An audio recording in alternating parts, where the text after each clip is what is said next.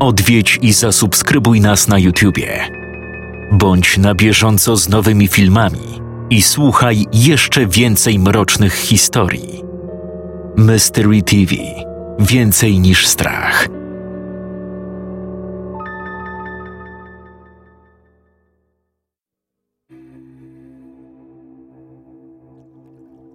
Siódme kwietnia 2001 roku. Przed powrotem do jaskini tajemnic poświęciliśmy dużo czasu na przygotowania. Zebraliśmy parę przedmiotów, które pomogły nam zmierzyć wymiary szczeliny. Stwierdziliśmy, że będę potrzebować około ośmiu cali w wysokości, aby przecisnąć się przez najwęższą część krypty. To oznaczało, że musieliśmy zeskrobać około jednego cala z podłoża tunelu. Odkryliśmy też, że najlepiej będzie jak położę się na brzuchu z ramionami przy ciele. I oczywiście z głową odwróconą w jedną lub drugą stronę. Do poruszania się używałbym palców stóp. Brzmi cholernie ciężko, ale właściwie. Potem okazało się, że zadziałało jak powinno. Kolejną rzeczą, którą zrobiliśmy w ramach przygotowań, było stworzenie wymyślonych przez nas narzędzi. Wpadłem na niezły sposób usunięcia skał zalegających wewnątrz szczeliny. Poprosiłem sąsiada, żeby zespawał kilka stalowych rur, tak abyśmy mogli bez problemu znieść je na dół i żeby jednocześnie były w stanie wytrzymać uderzenia młotka. B wymyślił fajny projekt skrobaka z wykorzystaniem kątownika. Okazał on się dla nas nieocenionym narzędziem.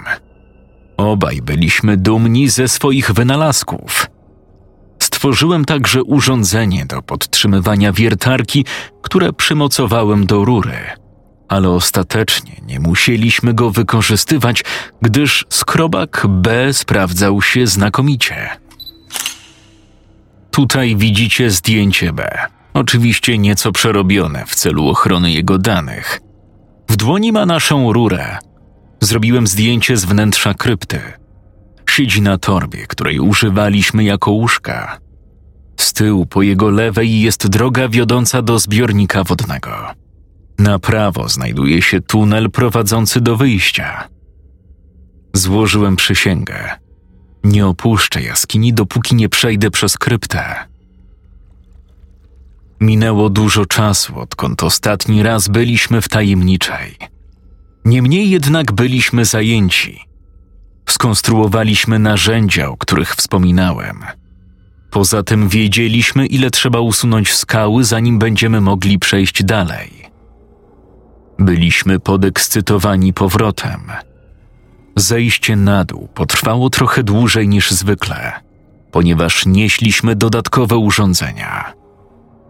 Kiedy tylko dotarliśmy na miejsce, od razu zabraliśmy się do roboty. Rura i skrobak działały jak zaklęcie. Kruszyliśmy kamienia, następnie spychaliśmy głębiej. Pracowaliśmy przez około dwie godziny. Wtedy uznałem, że pora spróbować. Po prostu chciałem się upewnić, czy już nie wystarczy. B raz jeszcze zamiótł podłoże.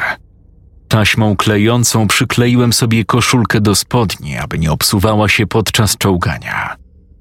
Zabrałem latarkę, chociaż wiedziałem, że nie będę mógł używać jej wewnątrz szczeliny. To wiedziałem, że przyda się później. Tym razem nie przywiązałem sobie sznura do nóg. Byłem pewien, że mi się uda. Podszedłem do próby. Mimo, że wcześniej o tym nie wspomniałem, zauważyliśmy, że wiatr i dudnienia powróciły. Jako, że z wejściem nic się nie zmieniło, znowu musiałem się nieco pogimnastykować, żeby wejść do dziury. Kiedy znalazłem się już w środku, poświeciłem w głąb, aby obmyśleć jakiś plan – Szczelina wcale nie wydawała się większa niż ostatnim razem. Odpoczywałem przez kilka minut, po czym wcisnąłem się dalej i odpowiednio ułożyłem. Przycisnąłem obie ręce do siebie i odwróciłem głowę w prawo. Zacząłem pełznąć naprzód. Kiedy moje stopy znalazły się już w tunelu, zacząłem odpychać się palcami. Aby unikać kaleczenia ciała, starałem się robić pożytek z ramion i kolan. Postęp był wolny, ale stabilny. Jak dla mnie w porządku. Stopę lub dwie od najwęższego miejsca mogłem stwierdzić, że było nieco więcej przestrzeni. Ale moje plecy i tak ocierały się o skały u góry. Jednakże tym razem byłem w stanie poruszać się dalej. Pomimo tego, że oczyszczaliśmy tunel z kamyków, to cały czas czułem kłucie na klatce piersiowej. Kiedy zacząłem odczuwać ucisk od góry, postanowiłem przejść do swojej sztuczki z wydechami. Jednak zanim zacząłem, musiałem chwilę odpocząć. Widziałem przebłyski latarki B, jako że promienie światła przechodziły przez wąskie szpary pomiędzy mną a kamieniem. Czułem, jak chłodna bryza dmucha w krople potu na moim czole. Czułem, jak tysiące ostrych odłamków wbija się w moją skórę. Poczułem dreszczyk emocji na myśl, że cel, który ustaliliśmy sobie tygodnie temu, miał się niedługo dokonać.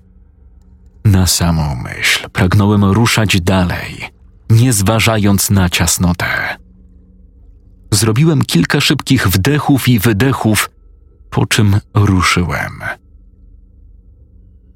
Wydech, wypchnięcie, przerwa, powtórka. Już po przesunięciu się o parę cali mogłem powiedzieć, że mam coraz więcej przestrzeni wokół siebie. Powtórzyłem tę informację B i obaj poświęciliśmy parę sekund na radość. Przez dalszą część pełzania przez tunel B mnie dopingował. Nieodkryta jaskinia i terytorium Nila Armstronga to frazy, które ciągle powtarzał. Uśmiechałem się od ucha do ucha. Nawet jeśli tunel zaczął się rozwidlać, i tak szło powoli. Musiałem używać nowej techniki jeszcze przez półtorej stopy, zanim miałem na tyle miejsca, aby rozpocząć czołganie. Już wtedy czułem, że moja przygoda dobiega końca. Mogłem usiąść i usunąć mur, który utworzyliśmy kilka wycieczek temu. Te skały służyły jako dobra przypominajka, żeby pamiętać o odrobinie ostrożności. Krzyknąłem do B, że mi się udało. Przez chwilę gratulowaliśmy sobie nawzajem. B nigdy nie byłby w stanie przecisnąć się przez szczelinę i zobaczyć tego, co ja, więc dałem mu opis tego, co widzę. Tej chwili miałem jedynie niewielką latarkę, więc nie mogłem spojrzeć głęboko w korytarz. Jego koniec wydawał się zakręcać lekko w prawo i rozchodzić na parę innych dróg. Nie mogłem robić nic innego, tylko siedzieć, ponieważ wielkość przejścia wciąż nie pozwalała mi na nic więcej. Nie było tutaj żadnych znaków obecności człowieka. Musiałem poczekać chwilę, aż B poda mi mój kask z lepszą latarką, abym mógł dokładniej obejrzeć jaskinię. B użył stworzonej przez nas rury, aby podać mi koniec liny. Wtedy mogłem podciągnąć do siebie resztę kwipunku. Najpierw dostałem kask. Kiedy zapaliłem światło, udało mi się obejrzeć szczegółowo nową część jaskini. Naszą. Widok wyników ciężkich godzin pracy był ekscytującym doświadczeniem. W tym momencie wciąż nie wiedzieliśmy, co jaskinia ma do zaoferowania. Jedyną rzeczą, którą widziałem, było dalsze przejście. Wąskie, z niskim sufitem. Mogłem je z łatwością przejść, ale musiałem się czołgać. Zacząłem robić zdjęcia, żebym mógł pokazać je B. Pierwsza część nowego przejścia. Wtedy prawie leżałem. Jak widzicie, moje stopy są rozciągnięte przede mną. Zapytałem B, jak daleko jego zdaniem powinienem iść, zwracając uwagę na dziwne zdarzenia, których ostatnio doświadczyliśmy. Po raz pierwszy jego entuzjazm też trochę zgasł. kiedy przypomniał sobie o upiornym hałasie. Podał mi rurę z poluzowanym końcem. Powiedział, że mógłbym użyć jej jako broni, gdybym napotkał jakieś zwierzę lub. Zwrócił też uwagę, że powinniśmy siebie nawzajem słyszeć. Nawet jeśli pomyśleliśmy o prawdopodobieństwie wplątania się w tarapaty, to nigdy nie rozważaliśmy faktu, że gdybym miał kłopoty, to B nie będzie mógł mi pomóc. Nie uzyskałbym pomocy przez kilka następnych godzin. Gdybym miał poważny problem, jak chociażby zranienie, nie było rady, aby ktokolwiek dostał się tu na czas. Jednakże byliśmy skupieni na naszych celach, a nie potencjalnych zagrożeniach. Jak na razie unikaliśmy kłopotów. Jak na razie. Ubrałem rękawice i przypiąłem ochraniacze na kolana. Zabrałem aparat i rozpocząłem wędrówkę. Czołgałem się przez tunel na zdjęciu powyżej przez około 20 stóp. Na jego końcu droga zakręcała lekko w prawo. Musiałem wspiąć się na niewielki stopień, aby znaleźć się w kolejnej części jaskini, która miała mniej więcej 40 stóp długości. Było tutaj nieco więcej przestrzeni. Sufit wisiał wyżej, a ściany boczne były rozstawione szerzej.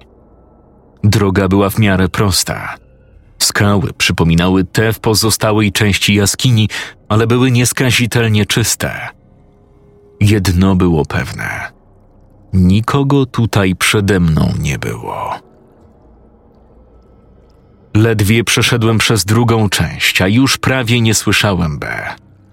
Krzyknąłem mu, że wrócę za pół godziny. Odpowiedział, że w porządku, ale mam być ostrożny. Postąpiłem dalej. W kolejnej części zauważyłem formację kryształów po mojej prawej. Składała się z kilku warstw i trochę przypominała wosk, który się stopił i zastygł na skałach. Tworzyły kilka niewielkich stalaktytów. Najdłuższy miał może cztery cale długości. Jeden z nich mógłby być większy, ale łamał się w połowie. Kryształy zaczynały się zaraz za tym przejściem. Tunel wiódł dalej przez kolejne sto stóp, zanim jaskinia znowu zaczynała się poszerzać. Skręcał w lewo, a na jego końcu znajdowało się pomieszczenie. Mniej więcej przy wejściu do niego stał pochylony o ścianę okrągły kamień. Wydało mi się to dziwne, ale pojedyncze formacje skalne są rzeczą normalną w jaskiniach. Po drodze widziałem już wiele rodzajów kamieni, ale ten był o wiele bardziej okrągły niż pozostałe. Pomieszczenie miało około 15 stóp wysokości, 15 szerokości i 30 długości. Na jego końcu był kolejny tunel. Kiedy wszedłem do środka, dostałem nieprzyjemnego uczucia. Tak jak w starym powiedzeniu, czułem czyjeś oczy na swoich plecach.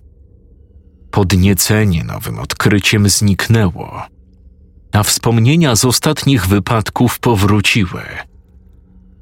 Nagle poczułem się bardzo samotnie.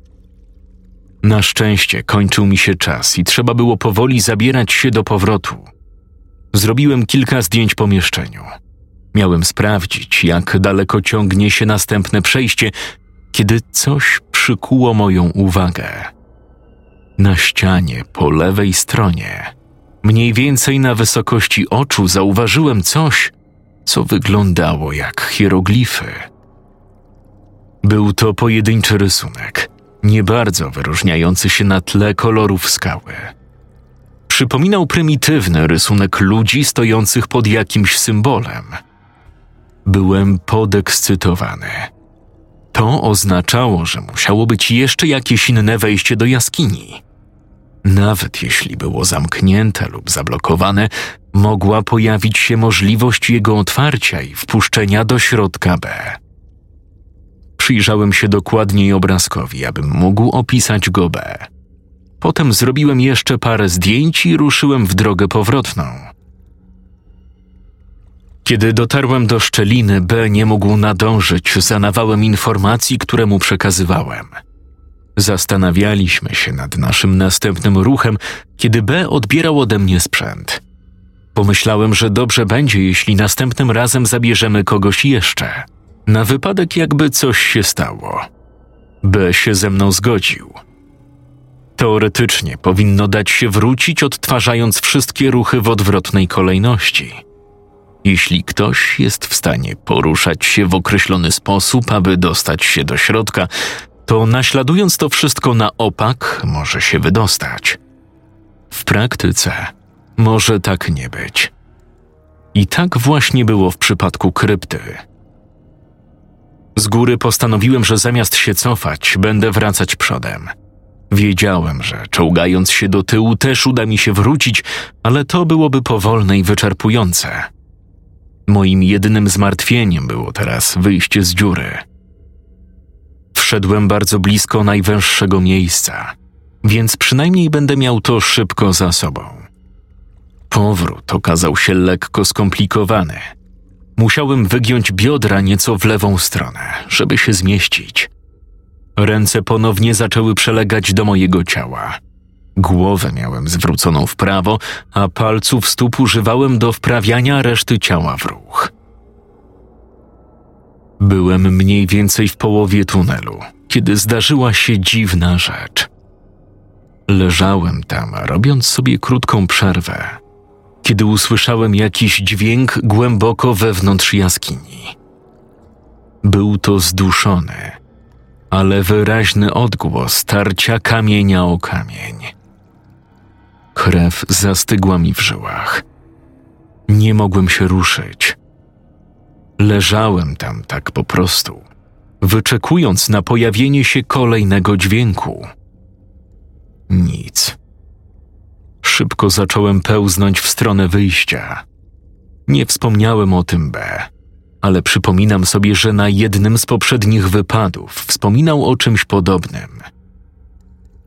Wyjście z naszej dziury okazało się tak bolesne, jak się spodziewałem. B podtrzymał mnie, kiedy górna część ciała pojawiła się na zewnątrz. Poczułem ulgę. Właśnie tak się czuję, eksplorując jaskinie. Uwielbiam włazić do ich wnętrza, ale wyjście sprawia mi ulgę. Coś dziwnego stało się ze zdjęciami, które zrobiłem w jaskini. Wszystkie, które zrobiłem po drodze do dużego pomieszczenia, wyszły świetnie. Natomiast z jakiegoś powodu żadne ze zdjęć, które zrobiłem w miejscu z okrągłym kamieniem, nie wywołały się.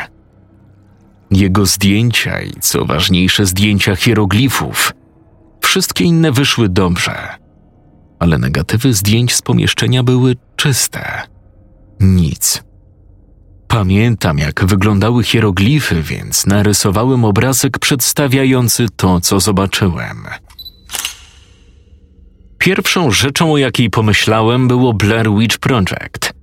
Ten symbol był po środku, a kilka postaci przypominających ludzi i wznoszących ręce w górę znajdowało się pod spodem. 14 kwietnia 2001 roku. Minęło zaledwie kilka dni, a B znalazł już chętnego na kolejny wypad. B powiedział, że rozmawiał z paroma innymi osobami, które z powodu sprzecznych terminów nie mogły pójść z nami. Wypytywali go o jaskinie i tunel za dziurą, ale nic im nie mówił, abyśmy mogli sami przeszukać całość przed ogłoszeniem tych informacji światu.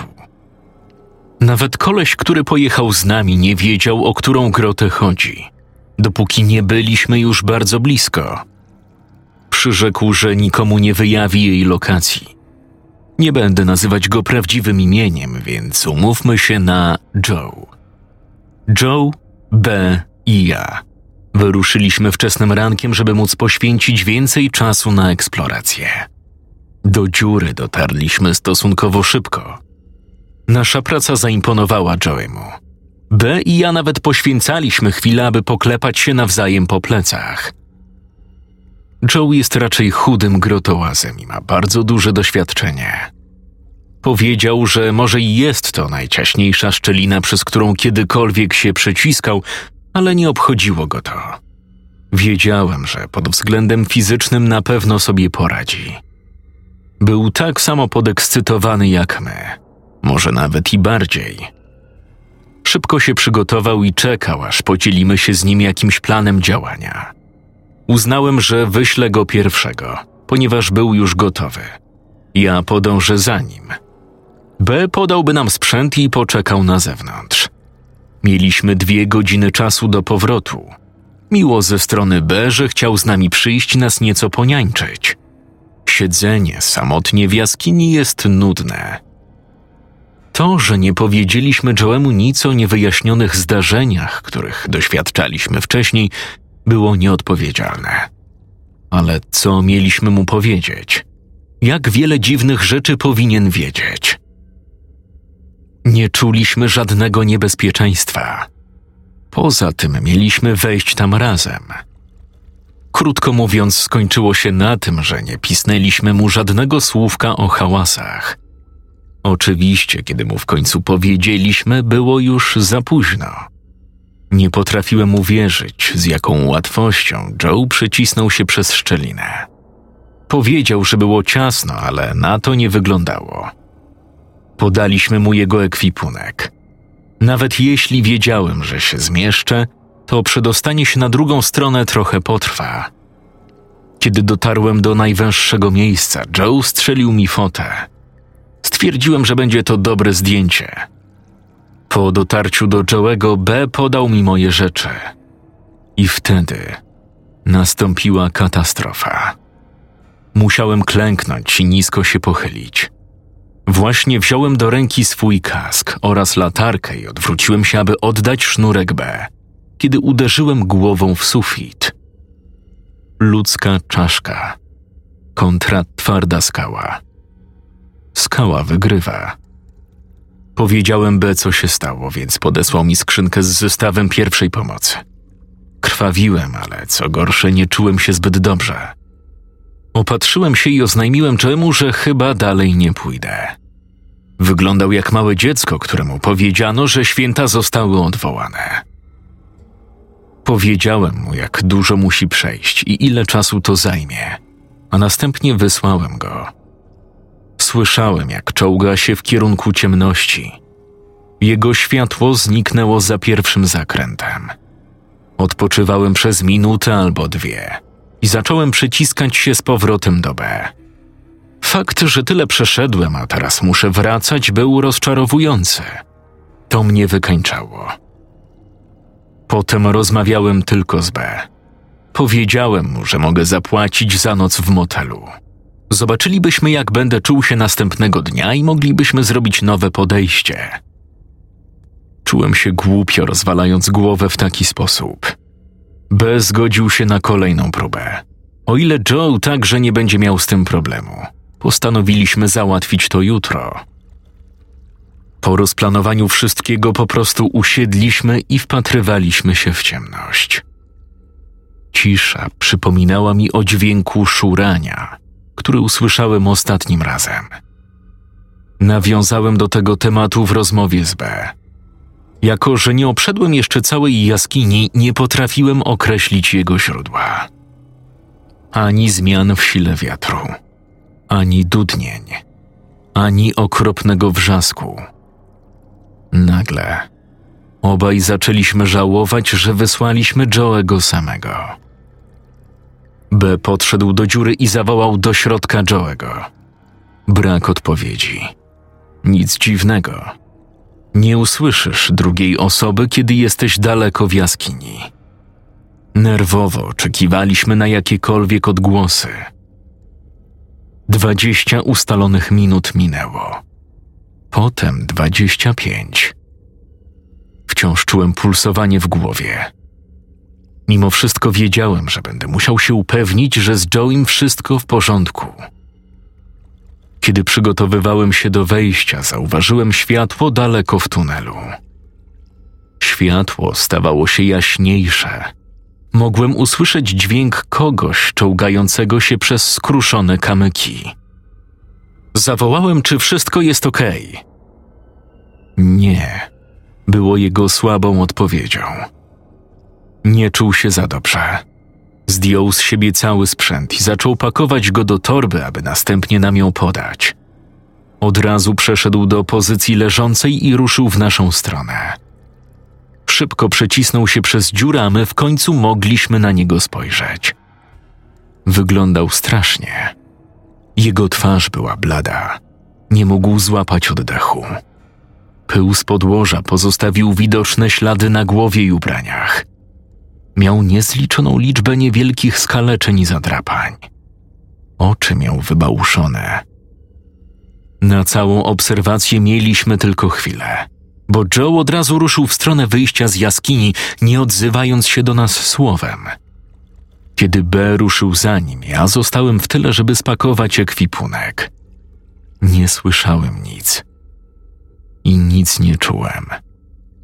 Wiatr zniknął. Pewna część mnie chciała się stąd wydostać jak najprędzej, ale inna znowu pragnęła natychmiastowo wrócić na drugą stronę tunelu. Nie było na to czasu. Czułem się lekko zamroczony. Po wydostaniu się na zewnątrz pomyślałem, że nareszcie uda nam się wyciągnąć trochę informacji od Joe'ego.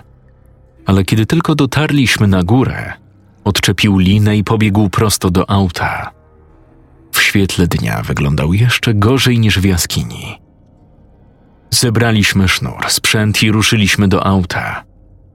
Joe nie chciał zostać na noc. Czuł się okropnie. Wróciliśmy do domu. Nic więcej nie udało nam się wydobyć. Po prostu wpatrywał się wprost przed siebie. Trząsł się jak liść. Kiedy wypytywaliśmy go, jego odpowiedzi były krótkie. Zapytałem, czy widział hieroglify. Nie. Czy słyszał nasze zawołania? Nie. Czy zobaczył okrągły kamień? Nie. Czy widział kryształy? Nie. Powiedział, że trochę pobłądził i poczuł się źle.